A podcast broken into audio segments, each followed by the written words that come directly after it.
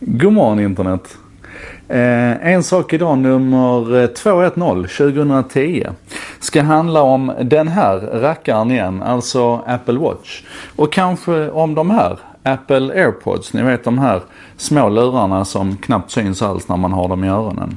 För jag läste en artikel på Quartz idag som jag tyckte var jättekul. Alltså, de har varit runt och scoutat lite grann och funderat så på vad använder folk sin Apple Watch till egentligen?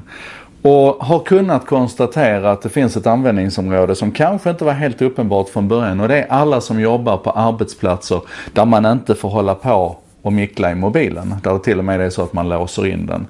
Och jag tror ni har förstått vid det här laget att jag är inte mycket för att vi skapar artificiella barriärer mellan oss och tekniken. Utan jag tycker att vi ska kunna integrera det här. Att vi ska lära oss att leva med tekniken. Att vi ska hitta sätt att hantera saker som notifieringar och, och ja, störningsmomentet helt enkelt. Att vi ska ta kontrollen över tekniken.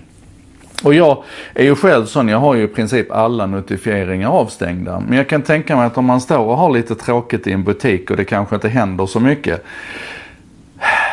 Att det kanske är lite skönt om det plingar till lite grann på armen ibland och man kan kolla lite Instagram-bilder som kompisarna har postat och sådär. Jag kan se det.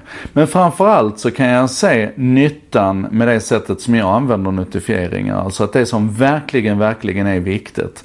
Frun, ungen, mamma, de viktigaste kunderna, att de har en expressväg och kan slinka igenom. Alldeles oavsett i vilket sammanhang jag befinner mig så kan de alltid nå igenom mina, så här tillfället och, och ofta regelmässigt skulle jag säga, avstängda och inskärmade värld.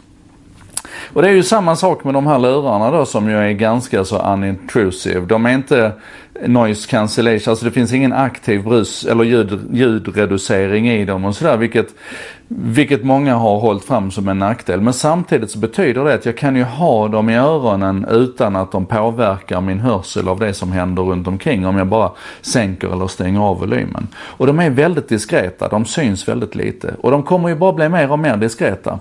Och då är vi inne på det som jag tycker är riktigt spännande med det här och det är att jag älskar ju att, att drömma om det här som man kallar för BCE, alltså Brain to Computer Interface. Jag har pratat om det tidigare hur jag ser fram emot att, att det ska slå igenom. Och det är helt enkelt när vi slipper att gå via näthinna och skärm eller, eller, eller eh, våra öron och, och, och högtalare eller vår mun och en mikrofon i andra änden. Utan vi helt enkelt har jackat in tekniken rakt in i skallen istället. Och när jag då läser den här artikeln på Quart som om vad det här har betytt för de som jobbar i de här miljöerna, att de faktiskt kan vara lite uppkopplade fast att de egentligen inte får det så blir ju, då, då, drar ju min tanke iväg till hur det kommer att se ut när vi integrerar BCI i, i praktiken, alltså maskin till hjärna interface i praktiken. För än så länge så är det där lite science fictionigt, alltså det känns lite så far out och det känns lite så här, varje gång jag pratar om det så kommer ju någon och, och slår mig i huvudet med ett Black Mirror avsnitt och säger titta här så hemskt det här kommer att bli. Men jag tror att ju tidigare vi börjar ställa om och fundera på vardagstillämpningar av den här tekniken, alltså av den, den osynliga tekniken som är ständigt närvarande, som kräver att vi tar kontroll över tekniken, som kräver att vi blir bättre på att hitta ett samspel mellan människan och tekniken. Ju tidigare vi börjar fundera på de konsekvenserna, ju bättre tror jag det blir. Och då är, vi, då är vi inne på ett annat av mina kära ämnen och det är det här med skolan. Jag tror att vi redan idag skulle ta och aktivera våra förskolebarn och våra barn i de lägre klasserna.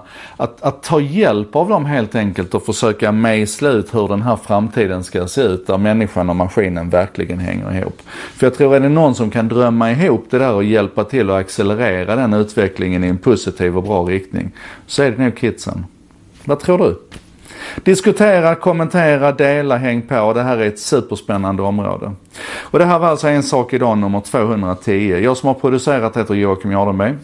Jag gör det här med benäget bistånd av vännerna på Bredband2, internetoperatören som gärna lyssnar när andra snackar på ett positivt sätt och hjälper till att sprida det här ordet för att de gillar internet precis som du och jag. Det textas och översätts av Contentor som är en byrå som arbetar med modern marknadsföring, redaktionella texter på nätet och, och, översättningar. Och de ser till att det här finns textat på svenska och översatt och textat till engelska varje dag runt lunch. Tusen tack Rebecca och gänget för att ni gör det. Och så ses vi väl imorgon igen för en annan En sak idag.